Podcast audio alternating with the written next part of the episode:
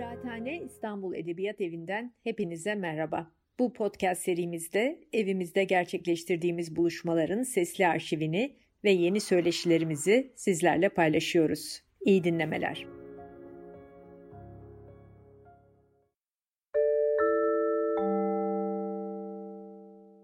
Merhabalar, Kıraathane İstanbul Edebiyat Evi'ne hoş geldiniz. Ee, bu akşam yine bir tiyatro konuşmasında Şahika Tekant ve Yiğit Özşener'i ağırlıyoruz. Ee, çok keyifli, ben oyunlarını çok daha yeni izledim. İki Aralık'ta premierini yaptı, Aşınmayı konuşacağız. Aslında aşıt, aşınma e, benim üzerine oyundan çıkıp düşündüğüm ve Şahika Hanımlara da söylediğim üzerine oyundan çıkıp hatta öncelikle yürümek istediğim e, ikinci oyun benim için. E, ve bunun en önemli nedenlerinden bir tanesi ve bu akşam o çerçevede konuşmaya çalışacağım. E, aşınma sadece e, oyunu tiyatro üzerinden değil aynı zamanda kavramsal olarak üzerine konuşulmaya çok e, uygun bir oyun. Ve zaten hem e, Şahika Tekan'ın hem Yiğit Özşener'in belli ki pek çok anlamda bir alt metni e, olan bir oyun. Bu arada da Şahika bana yönetmen notlarını e, bu hazırlığım için göndermişti. E, hayattaki en gururlu anlarımdan bir tanesidir ve çok heyecanlı. E, oradan da biraz çıkardıklarım ekseninde e, biraz öyle konuşacağız. Ama tabii öncelikle bütün bunlardan önce 27 yıllık bir yol arkadaşlığı aynı zamanda. E, bu başlı başına bir şey gibi geldi bana. Çünkü hani bir e, yaptığınız tiyatro işte Şahika Tekan'ın bir bence devrim niteliğinde olan işte performatif tiyatro e, ve bunun üzerinden geçen 27 yıl yani bu aynı zamanda bir tiyatro yolculuğu e, sizlerin dönüşümü e, ve bir birlikte üretmenin dönüşümü nereye dönüştü bu 27 yıl sizin için e, hem tiyatro hem e, bir yönetmen bir oyuncu ilişkisi olarak? Ee, şöyle başlayayım o zaman. Ee, bu 27 yılın başında e, Yiğit'le ilk görüşmemizi yaptığımızda insan şeyi hissediyor. Hani e, hemen ayrılmayacağız. E, onu hissediyor. E, çünkü Yiğit bana geldiğinde 96 94. 94'tü. E, ve ben stüdyoyu kuralı 6 sene olmuştu.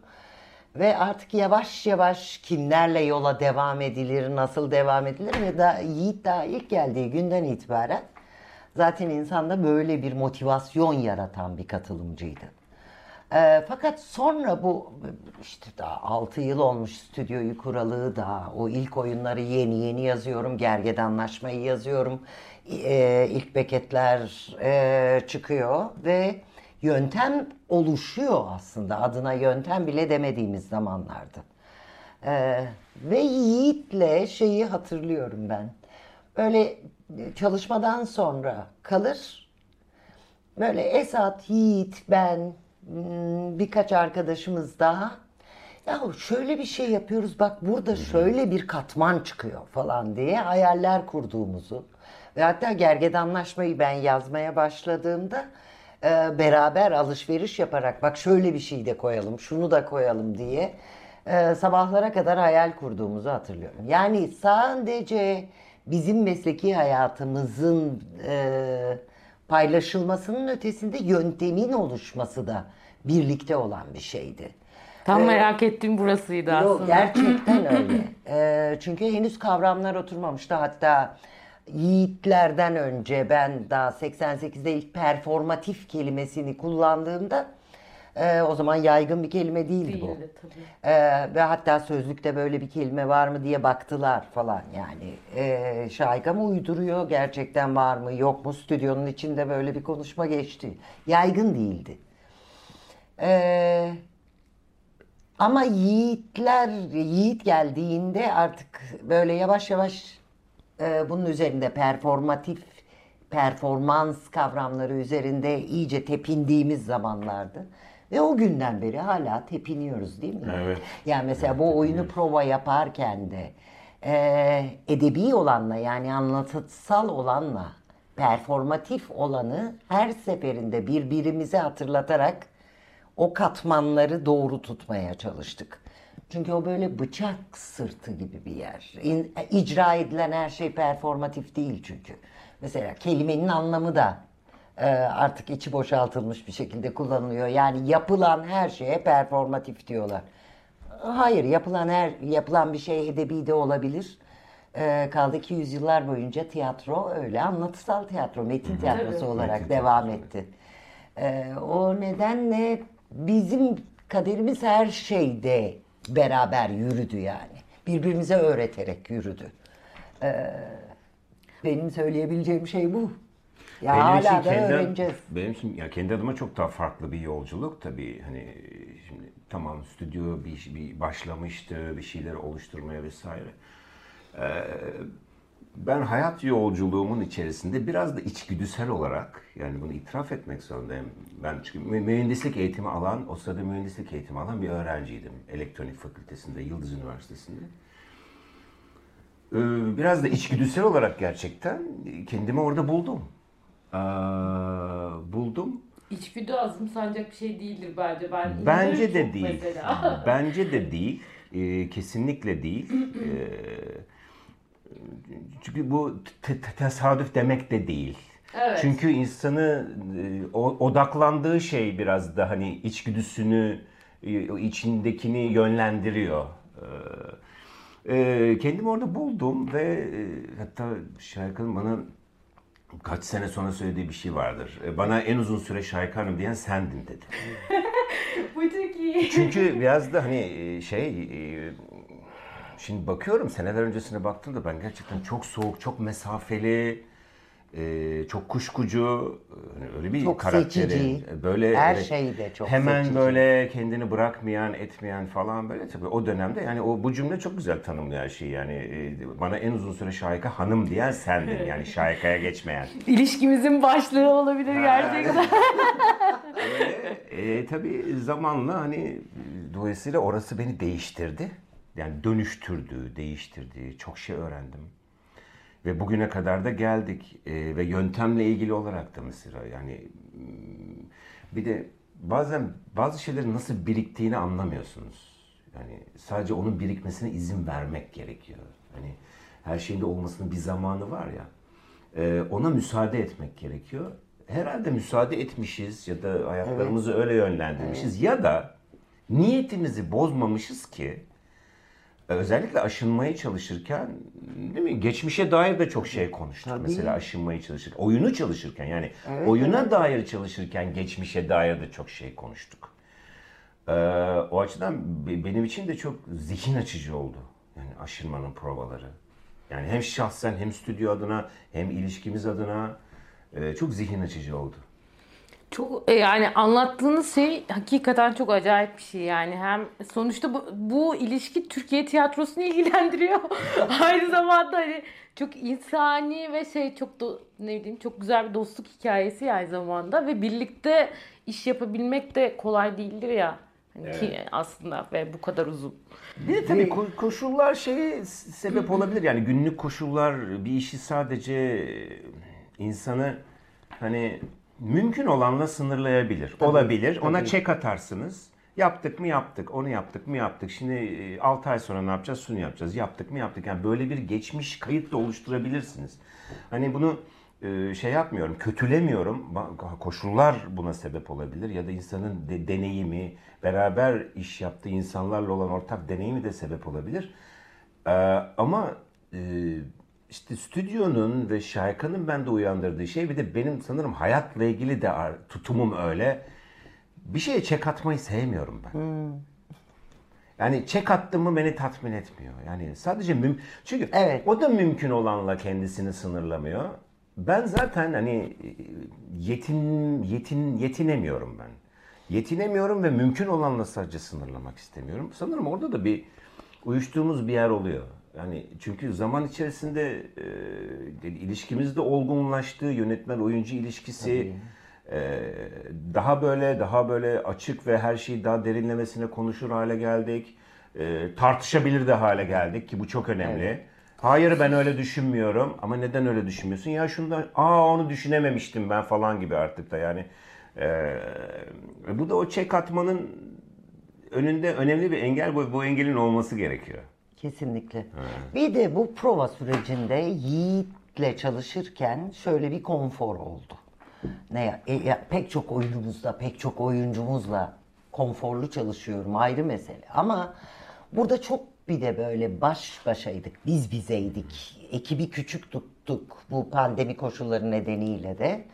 Ee, çok üstünde konuşabilme, tartışabilme yani bazen işte e, bay, bayağı birbirimize itiraz ederek birbirimizi dönüştürebilme şansımız oldu.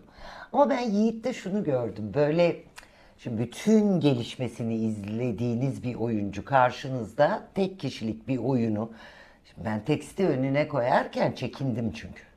Yani 65 sayfayı bir adamın önüne koyup hadi çocuğum ezberle demek çok kolay bir şey değil. Yani üstelik biliyorsunuz spiraller üstünde yazdığım bir tekst olduğu için Gerçekten ben bir buçuk izlerken sayfalık cümle var.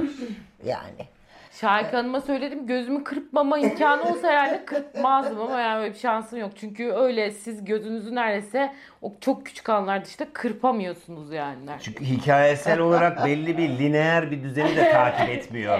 Yani Çok gergin.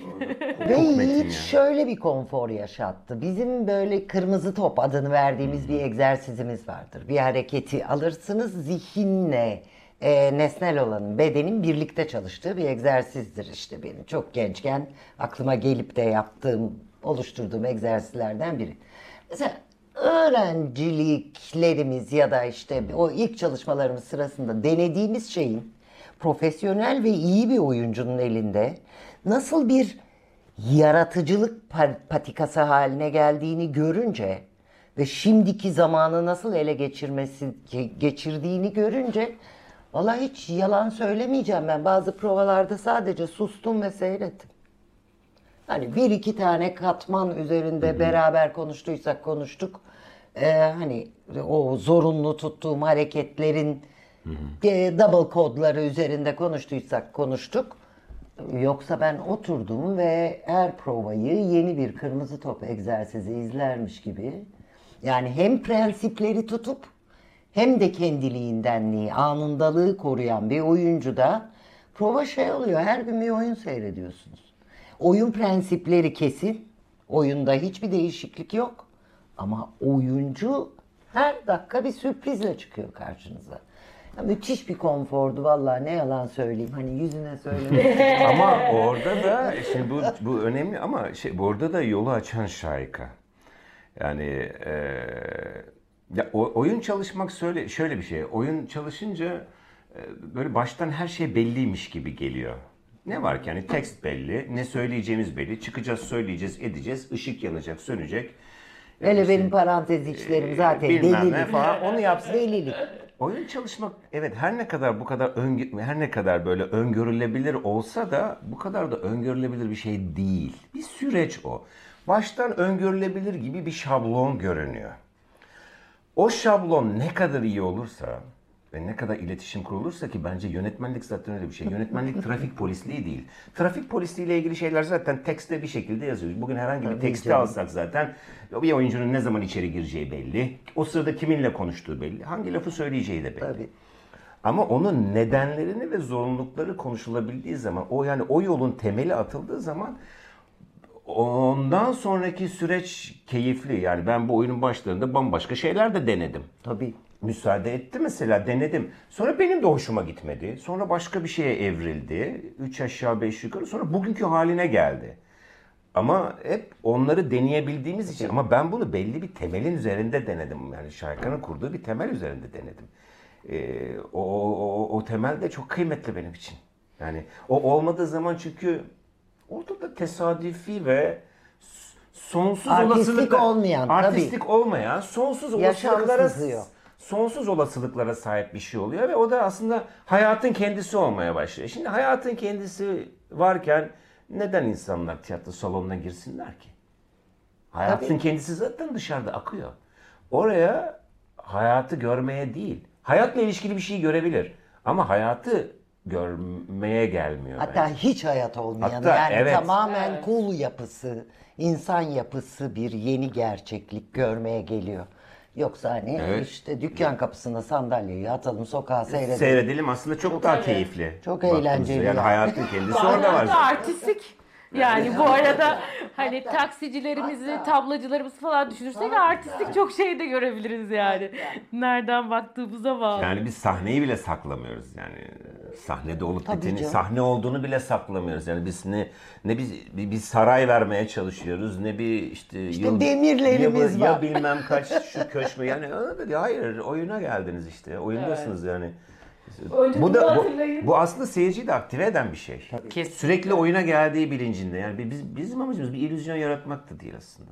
Tabii. Mış gibi yapmakla ilgili bir derdik. Miş dert de gibi yok. sizde oluşuyor. Aynen. Ama Siz hayal kuruyorsunuz. Biz nesnel olanla oynuyoruz. Biz o andaki somut şeyle ilgileniyoruz. Ama aşınma bence e, bu tiyatro ya da sahne sanatlarına yaklaşımdaki bir şeyi tamamen kaldırmış. Yani aslında gerçekten her şey nesnel bir zeminde. Evet. Metinde çok nesnel. Ki hiç edebi bir metin değil. Evet. Hiç E, değil. aksine çok düz. Evet. E, Hatta köşe yazısı olabilecek kadar Evet. düz. Ha çok evet, anlamlı. çok net. Yani çok slogan olabilecek kadar Evet. dan dan. Ta- tam onu söyleyecektim. Yani oyundan çıktığında ilk düşündüğüm şey tabii ki Komünist Manifesto'yu da e, be- ben hani bir okudum metin olarak ve inandığım bir yer orası ama şeyi düşündüm. Hakikaten e, manifestoya böyle bir tiyatro sahnesinden bu kadar çağdaş bir tiyatroyla çünkü hani bu aynı zamanda o, o hayalet sürekli artık günümüz dünyasında şöyle de konuşuluyor ya.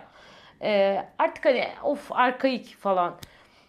Şimdi o metnin güncelliğini e, zaten tazeliğini koruduğunu ama bu bir tiyatro sahnesinden bu kadar güncel, bu kadar modern, bu kadar çağdaş bir sahnelemeyle gör.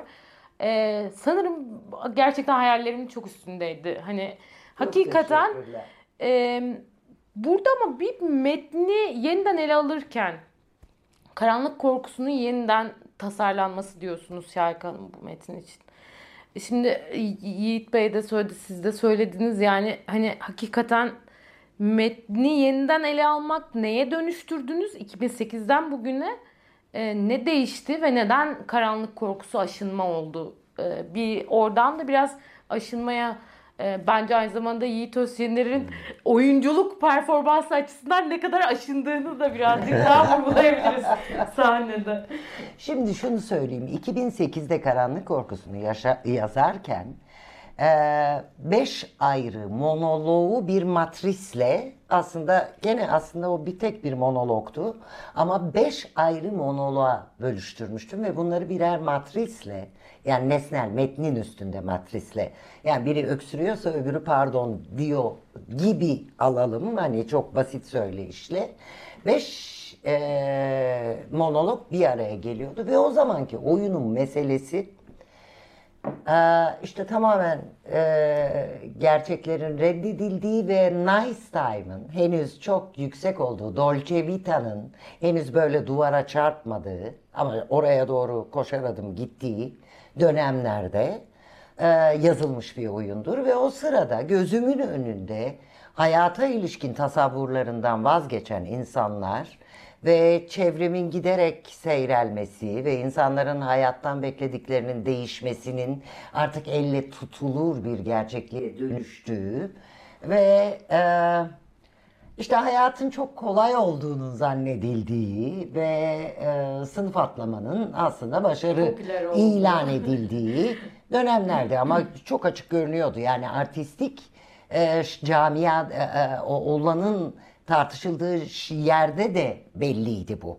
Yani ama o zaman henüz yaşasın iyi ki bunlar oluyor. Özgürlüğün adı değişmişti. Minör alanlar çok kıymetliydi.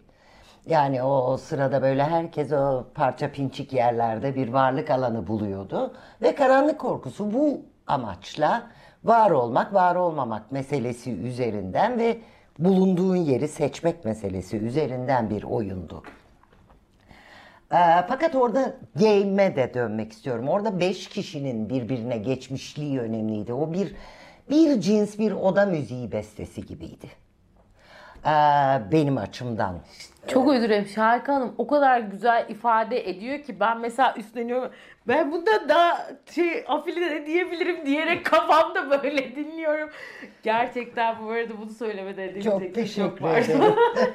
Çok teşekkür ederim. Ee, halbuki şeye o zamandan beri ama bu tek monolog halinin mücadelesiyle de uğraşmak gerekiyor artistik olarak diye o zaman e, kafamdaydı bu. Yani çok eski projemiz aslında bizim bu. Yani başka oyunlar üzerinden hep Yiğit'le hayal kurdum ki onları da yapacağız. Ee, ama hani bunu öne çekmemin bir nedeni var. Çok hızlı yükseldi ve çok hızlı duvara çarptı bir kere sistem. Aa, ha bundan bir şey mi çıkacak? Bir hani oyunda sorduğumuz gibi bir umut var mı? Bilmiyorum. Ee, ama en azından şunu biliyorum. Bu bir eğer yok olma oyunuysa sonuna kadar yok olma oyunu olsun. Fahrenheit 451'de olduğu gibi. Yani bir köyde bir yerde kitapları ezberlemiş birileri kalacak. Ve bu pandemi dönemi benim için şey oldu. Hayır ben bu oyunu yapacağım. Bu dönemden sonra yapacağım. Çünkü nesnel varlığından insanlığın bu kadar kolay vazgeçmesi ve buna bu kadar uyum göstermesi, mesela teatral işlere, e, dijital ortamdaki teatral işlere tiyatro denmesi falan biraz benim için düşünsel anlamda da masaya yatırılması gereken gerçekliklerdi. O nedenle nesnel tek bir insanın şimdiki zamandaki varlığı üzerinden ortak zihinsel faaliyet nasıl yaratılabilir ve canlı olanın, canlı olmak zorunda olanın ve varlık nedeni canlı olan olanın sahnede ete kemiğe bürünmüş halini ben nasıl yaratırım ve bütün bu algıyla nasıl kavga ederim. Hiç saklamayacağım. Ben ah yaşasın dijital daha kolay demedim hiçbir zaman. Dijitalde yaptıklarımız ancak teatral olabilir. Tiyatro olamaz. Tiyatro insana ihtiyaç duyar. Bir seyreden bir de oynayan olması lazım. Bunu reddettiğiniz anda insanı reddediyorsunuz çünkü. insanın varlığının zorunluluğunu ve değerini reddediyorsunuz. Buna işte aynen oyunda dediğimiz gibi biraz e, hayalperestlik ya da e, şey diyebilirler ama duvara çarptık artık. Başka türlü konuşma zamanı geldi. Ne yapalım canım biz de çağdaş kahramanlar oluruz yani. O kadar da hayalci olmayalım mı yani? Şimdi Ay bir de 30 senedir, 40 senedir yükselen şey çok kötü duvara çarptı. Artık biraz başka türlü konuşmanın zamanı geldi. daha açık açık konuş. Aslında çok güzel bir yani tam kafamda olan yere geldi. Yani aşınmanın şey başta da söylediğim gibi ben zaten hani kelime olarak duyduğumda çok şey düşündüm açıkçası. Aşınma çünkü bu dönem o Şarka Tekant zaten evet buradan kesin bam bam vuracak falan diye hissettim ama bu kadarını beklemiyordum o ayrı mesele. Ee, ama Yiğit Özşener'in bir tek kişilik ilk oyunu. Hakikaten e, az önce yine seçtiğiniz ifade trafik polisliği. Yani e, oyun hakikaten reji olarak tam bir trafik polisliği mahareti. E, çok yani tabii bunu ben izah edemem ama çok sert bir oyunculuk performansı. E, Bir oyuncunun başına çok gelebilecek mikro en zor e, şeylerden yani, biri. Evet çok mikro argüman, çok mikro alan, e, hareketler de mikro ve hani hakikaten hem e, bir de tabii bu burada bir e, oyunculuk açısından aşınmanın sizin için nasıl yaşandığını sormak istediğim buydu. E, ama şunu da sormak istiyorum. Sonrasında bu aynı soruyu Şahika Tekan'da da yönelteceğim. E, çünkü siz aranızda çok güzel paslaşıyorsunuz. Bazen araya girmek hoşuma gitmiyor. E, yani bu aşınma aynı zamanda hakikaten bir kapışma, çarpışma. izleyici için öyle. Ama Şahika Tekant ve Yiğit Özşener için de mesela o bahsettiğiniz geriye dönüşler, e, o sistemin sizin sistemle sınavınız, sistem karşısında kendinizi insan olarak konumladığınız yerde e, sizin aşınmanızı da gördüğünüz bir yer oldu mu mesela? Ee, tabii ki yani e, yani bu oyunu oynayıp da hani o sürecin içinde olup da insan kendisiyle ilgili düşünmemesi imkansız. Yani bence insan zaten hep yani e, biraz farkında olan bu mücadeleyi her zaman kafasında da hayatında da bir şekilde sürdürmeye devam eder. Yani gerçekten hiç farkında olmamak lazım ya da tamamen kapatmak lazım ya da kendine inanılmaz tırnak içinde inandırıcı bahaneler üretmek lazım.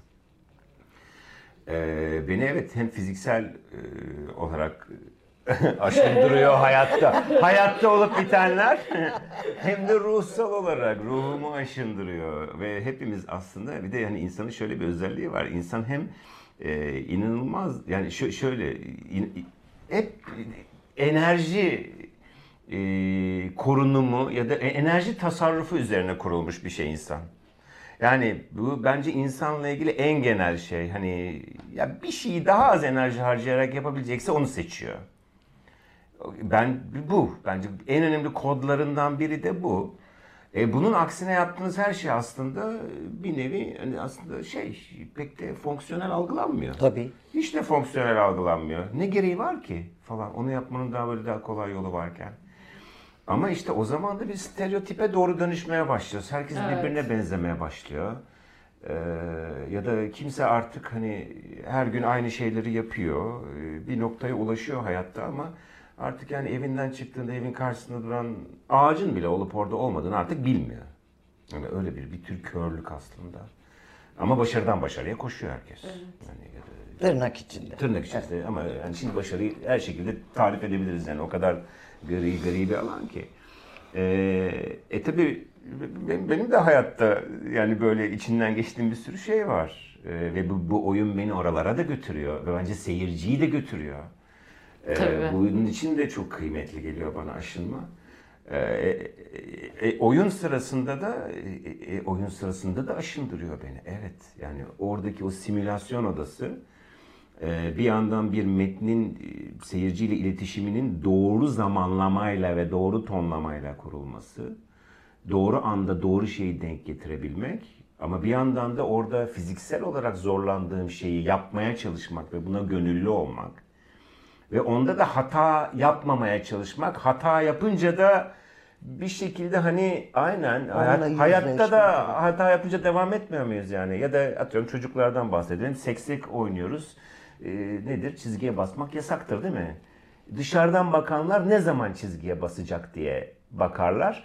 O da çizgiye basmamaya çalışır. Ve o basma anındaki tepki çok önemli. Yani hem dışarıdan bakan bastı der, öbürü de ay der. Aşınma da oyun sırasında olan da o. Gerçekten yani seyircinin verdiği tepki de bu. O yüzden de seyirci çok aktif, aktif hale geliyor. E burada az önce konuştuk, metinden konuştuk. Hiç edebi bir metin değil. İşte tam da o yüzden ancak yani versek metni herkese okuyun desek yani bu ne ya diyebilir, koyabilir. Tabii. Çünkü eksik. Çünkü ancak oynanınca Performansla tamamlanabilir. performans olunca o onun nasıl e, somutlaştığı önemli. Seyircinin gözünün önünde nasıl tamamlandığı önemli. O yüzden de metin eksik zaten. Yoksa her şeyi edebi olarak içerisinde tamamlamış bir metinde bunu yapmak çok mümkün değil. O zaten size alır aynen bir roman okumak gibi. Tabii, tabii. Sayfalarca size ne bileyim işte büyüdüğü köşkü tarif edebilir yazar. Tı tı tı, o duygudan duyguya gidip o tamamlanmıştır zaten orada sizin gözünüz. Burada metin hiçbir şey getirmez sizin gözünüzün önüne. Aslında hiç de edebi tarafı olmayan basit şey böyle hani Basit bir basit metin. bir metindir yani. Ama Hani- oynanınca başka bir şekle dönüşüyor. O onun için az önce şeyi getirdim. Yani e, yönetmenlik trafik polisliği değildir. Şarkı da trafik polisliği yapmıyor. O temeli öyle koyuyor ve bu benim için çok kıymetli. Al diyor bunun için de sen özgürsün ve orada uç ve orada denemelerini yap diyor. O yüzden hani bugünkü performansa e, ulaşabiliyoruz. Ha bunun ötesi de vardır belki. Bunu da ileride keşfederiz. Ama şu anda keşfettiğimiz şey bile yani bana çok şey öğretti, çok ilham verdi. E, hayatla ilgili de çok ilham verdi. E, öyle ve sanırım daha da olacak galiba bir şey. Aslında ben bir cins şey yapıyorum tabii. Ne oyun oynayacaksak, oyun yani bayağı oyun, tiyatro falan değil. Onu tasarlıyorum, yaptığım şey o. Metni de söylemek istediklerimi o oyunla birlikte var olacak şekilde tasarlıyorum. İşte parantez içlerim delirtici benim mesela. Ee, duygu yazmam parantez Asla. içlerine. Sadece sağa döner, sola döner, ayağa kalkar, dışarı çıkar, içeri girer yazarım. Yani Ama nesne- sanırım tam söylediğiniz o. Yani o özgürlük orası aslında. Ama oynanınca başka bir şeye Tabii. dönüşüyor. Kaldı ki oyundaki bütün unsurlar birbirine göre eksik. Metin eksik, oyuncu eksik, müzik eksik, ışık eksik. Bunlar ancak toplandığı zaman kendisi ortaya çıkıyor. Yani bir tek oyuncunun sırtına yatarsanız da ve ona bütün bunları hissedecek nesnel ortamı yaratmazsanız yalan yalan hissediyormuş gibi yapar 5. oyundan sonra. Çünkü eski tiyatronun zaten önümüze çıkardığı engel buydu. Yani oyuncunun sırtına yıktığımız çok garip bir e, zorunluluk Ya da vardı metnin de orada. sırtını yıkmak Me- vardı. Ya da metnin. Hatta Evet. metinler bazen burada ölçüyü kaçırır biliyorsunuz. Evet. Parantez içinde ne hissettiği bile yazar falan. Ee, yani ne düşündüğü yazar. Sanki düşünceyi görebilirmiş. Ya da gibi. ne dozda güleceği. Evet, evet.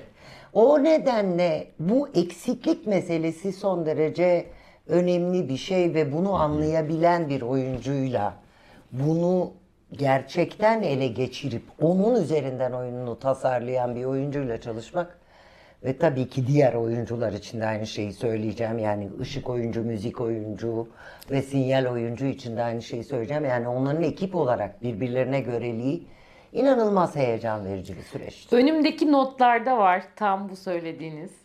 Ee, şeyi en çok düşündüğüm şeylerden bir tanesi oydu. Tek kişilik bir oyun.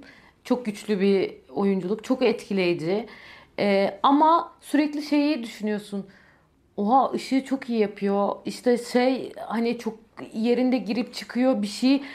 Gerçekten sahnenin arkasını sahneyi izlerken düşünüyorsun. Ee, bu da kolay yakalanabilen bir şey olduğunu düşünmüyorum tiyatroda. Hani bazen çok kalabalık bir sahne izlediğimizde bile e, bunu çok düşünmeyebiliyoruz. E, sahne arkasını oyuna bu kadar dahil hissettiren şey e, sizce ne, ne oluyor? Ee, kendi açımdan şunu söyleyebilirim. Ee, oyunun doğası itibariyle e, şimdi orada hem bir bir tiyatro eseri var. Ee, onun oynanması gerekiyor. Bir de ortada hani o game diyebileceğimiz az önce örneğini verdiğin gibi işte seksek örneğini verdim mesela işte. O tarz bir oyun var. Kuralları olan. Kurala uymadığınız zaman yandığınız Evet tam o aslında. yandığınız, kurala uymadığınız zaman yandığınız o ya ikisi yani onların hepsi e, üst üste katmanlar şeklinde o anda oluyor. O anda oluyor. Ben tabii ki metni biliyorum. Tabii ki ne zaman ne olduğunu biliyorum ama e, şeye dair, oyuna dair, kurala dair e, bir ön kabullerim var ve onlara sonuna kadar teslim olmak zorundayım. Bir de seyirci tarafından okunabilen kurallar var. Evet. Bu seyir yeriyle oyun yeri arasında önemli bir ilişki. Yani futbol maçı seyreder gibi oluyorsunuz işte. Penaltının ne zaman geleceğini hatta hakeme kızabilirsiniz yani. ışıkçıya da kızabilirsiniz. Ya o adam yaptı niye ışığı kapatıyorsun? Geçmeli Ya da yeter artık diyebiliyor yani. Keşke şu, Tabii. şu ışığı Evet. artık daha Evet. fazla yakmasınlar. Ya da bir durdursunlar şunu diyebiliyor mesela. Tabii Bu sağında çok sonunda önemli. seyircilerden çok şey duydum. Ama bir an ama Gene niye yapıyor bunu falan? Güzel. ama bir yandan da Bunu ama duyduğuma bir yan- sevindim. Ama bir yandan da bu bir akrobasi gösterisi değil. Çünkü yani dünyada e, akrobasi konusunda benden çok daha yetkin herhalde binlerce insan vardır. ya benim görevim akrobatlık değil orada. Yani bir şeyi kusursuz yapmak değil. E, kusurlarıyla bile oradan vazgeçmemek. Evet. Hani ben kusurumla bile oradan vazgeçmediğim zaman seyirciyle iletişimin maksimum Ve oluyor. şimdiki zamanda kusurun üretkenliğini ele geçirmek. Yani kusur yaptığımda da işte o uyum yeteneğimi orada da kullanmam gerekiyor. Aynen aşınmada kullandığımız uyum yeteneği gibi. Orada da kullanmam gerekiyor. Onu oyunun hizmetine vermem gerekiyor. Öyle anlarda seyirci kopmuyor. Yoksa ezberden bir şey yani ezberden derken her yerini çok böyle belirgin bir şekilde, robotik bir şekilde yapsam yine aynı metni söyleyeceğim. Yine aynı yerlerde kesilecek bir şey olacak. Ama seyircinin bir şey hissedeceğini zannetmiyorum. Bir de Oradaki- orada oyuncuya ihtiyaç, İhtiyaç yok. yok Zaten orada. robot koymak lazım. Oraya bir tane robot koyarız, Hatasız programlarız, tık tık tık. bilgisayar. Yine aynı metni dinler seyirci ama bu kadar aktive olmaz. Mesela ışık, müzik de bilgisayara bağlanabilir ama Evet. hayır biz 30 küsü 34 senedir Bu başta konuştuğumuz İnsanlar dijital yapıyor. tiyatroya da Tabii, bir tabii, atıf tabii. zaten. Yani o zaman yapay zeka yapar. Yapar. Belli Hepsini şeyleri yapar. yapacak da zaten. Yapıyor da zaten. Yapacak Ama zaten. Tesadüfe açık değil, riske İşte onun açık adı değil. ne olacak meselesinde bence Ee, bu alanın insanların biraz oturup düşünmesinde fayda var. Yani neye sinema diyeceğiz, neye tiyatro diyeceğiz, ee, neye teatral diyeceğiz, neye gerçekten tiyatro diyeceğiz. Bu bunlar üstünde konuşulması gereken şeyler. Şimdi oyunlara gelen seyircilerden bazılarından çıkışta şeyi e, duydum. Mesela o da çok ilginç. Bir daha geleceğim seyredeceğim. Mesela beklemiyorum böyle bir şey. Çünkü bir oyunu seyredersiniz gidersiniz değil mi? Yani bu da benim için önemli bir gösterge. Bir daha geleceğim seyredeceğim. Yani demek ki orada yani nasıl aktive olduysa ya e, tabii insanlar kendi kişisel tarihlerine de gidiyorlar. Tabii. Yani seyirci kendi kişisel tarihine de gidiyor metinden dolayı. Çünkü ben metni de çok net bir şekilde aktarma sorumluluğum var benim.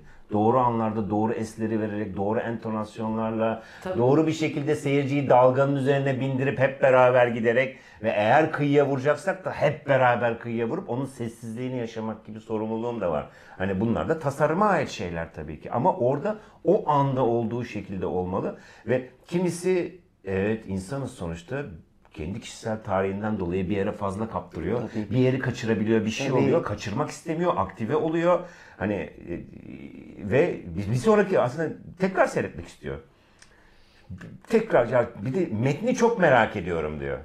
Şimdi orada tekrar dönüp gerçekten aslında metinde gerçekten edebi bir şey yok Hatta işte. tekrarlar O- var. Tekrarlar var bir de bir sürü tekrarlar var. İşte tam da oynandığı için o metin tamamlanıyor ve seyircinin hissettiği hisleri tamamen bundan dolayı oluşuyor. Performans teksti yazıyorsanız eğer, yani işte oturayım bir oyun yazayım değilse hevesiniz. Yani tam da eksik bırakılmış dramatik metin yaz, yazıyorsanız zaten yazarken da işte o yazımın tasarımı nasıl gelişiyorsa. Ee, mesela bu oyun spiral cümleler ve nokta seslerden oluşuyor. Yani öksürür bile yazıyor tekste aslında. Elini ağzına götürür, öksürür pardon der yazıyor. Çünkü o aslında bir müzik parçasındaki atılacak punto gibi. Çünkü seyirciyi almışsınız, dalgaya bindirmişsiniz.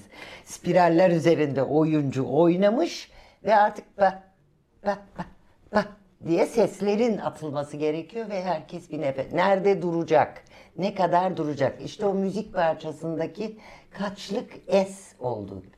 Şimdi onun notaya yazılmış olması ya da yani bir skor üzerinde onu görüyor olmamız herkesin aynı şekilde icra edeceğini göstermez. Tabii.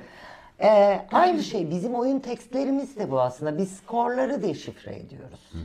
Ve o yüzden o eksik çalınması lazım. Ee, yani e, sko- müzik parçası nasıl öyleyse bizim için de öyle. Sözcükler eksik, yapılması lazım.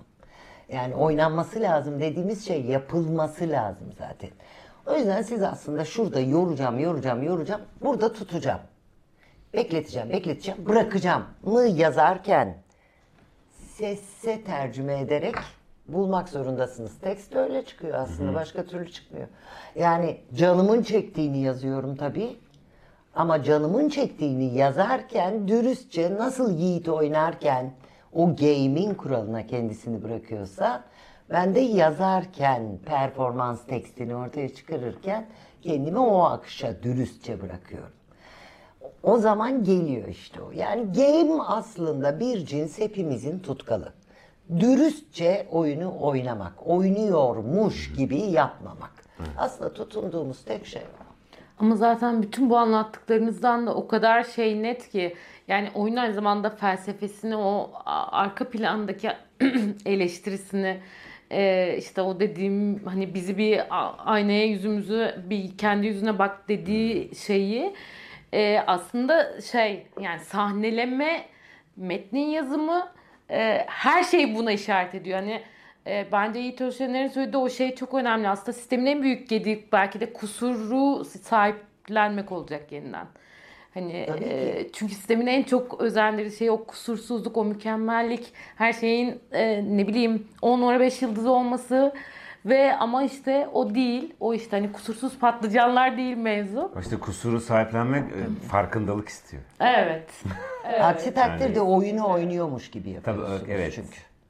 Yani miş gibi oluyor yaptığınız şeyler. Bir de Yiğit'in söylediği şeyde önemli bir şey vardı. Yani bir gameplayer'da, bir oyun oynayan insanda ve tabii ki aktörde bence çünkü oyuncu yani.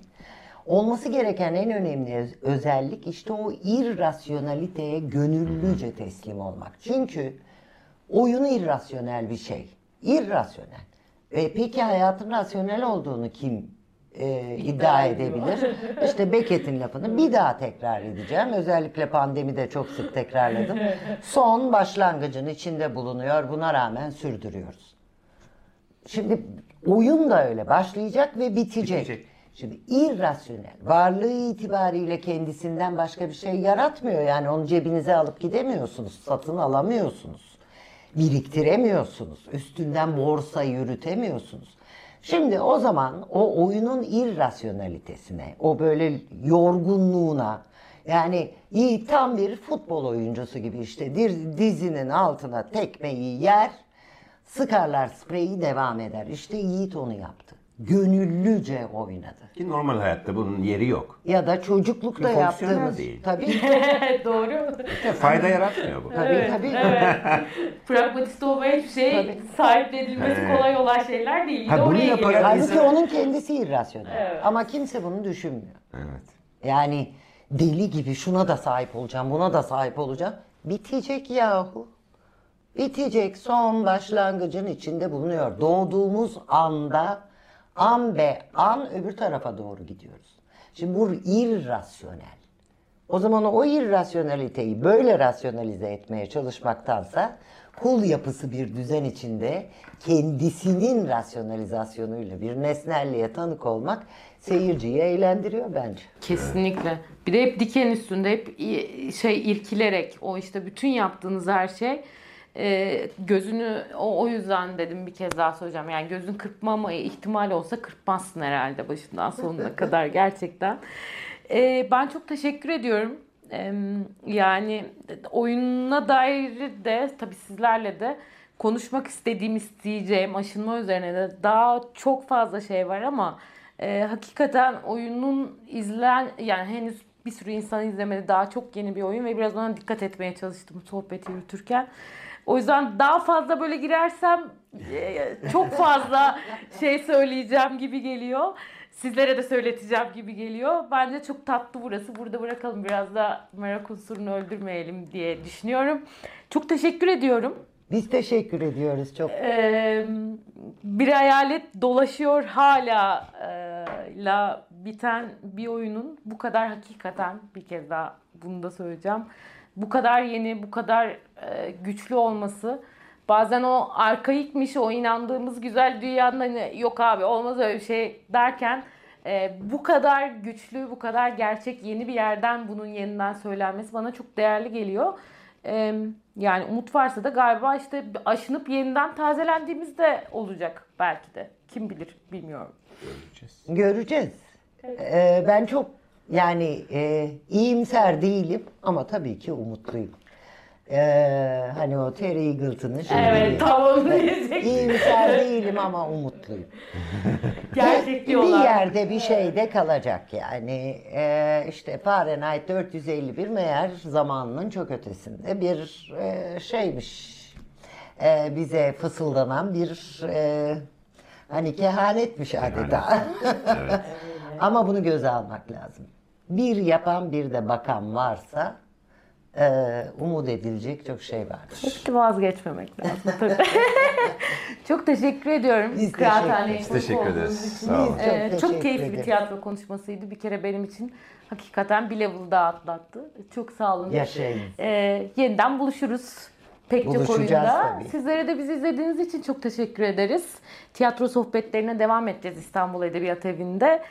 Ee, umarım yani işte bütün bu aşınma dünyanın, doğanın, canlılığın, dünyanın tamamının ee, bilmiyorum daha ferah, daha rahat, daha gerçek bir yere bizi yeniden çıkarır belki.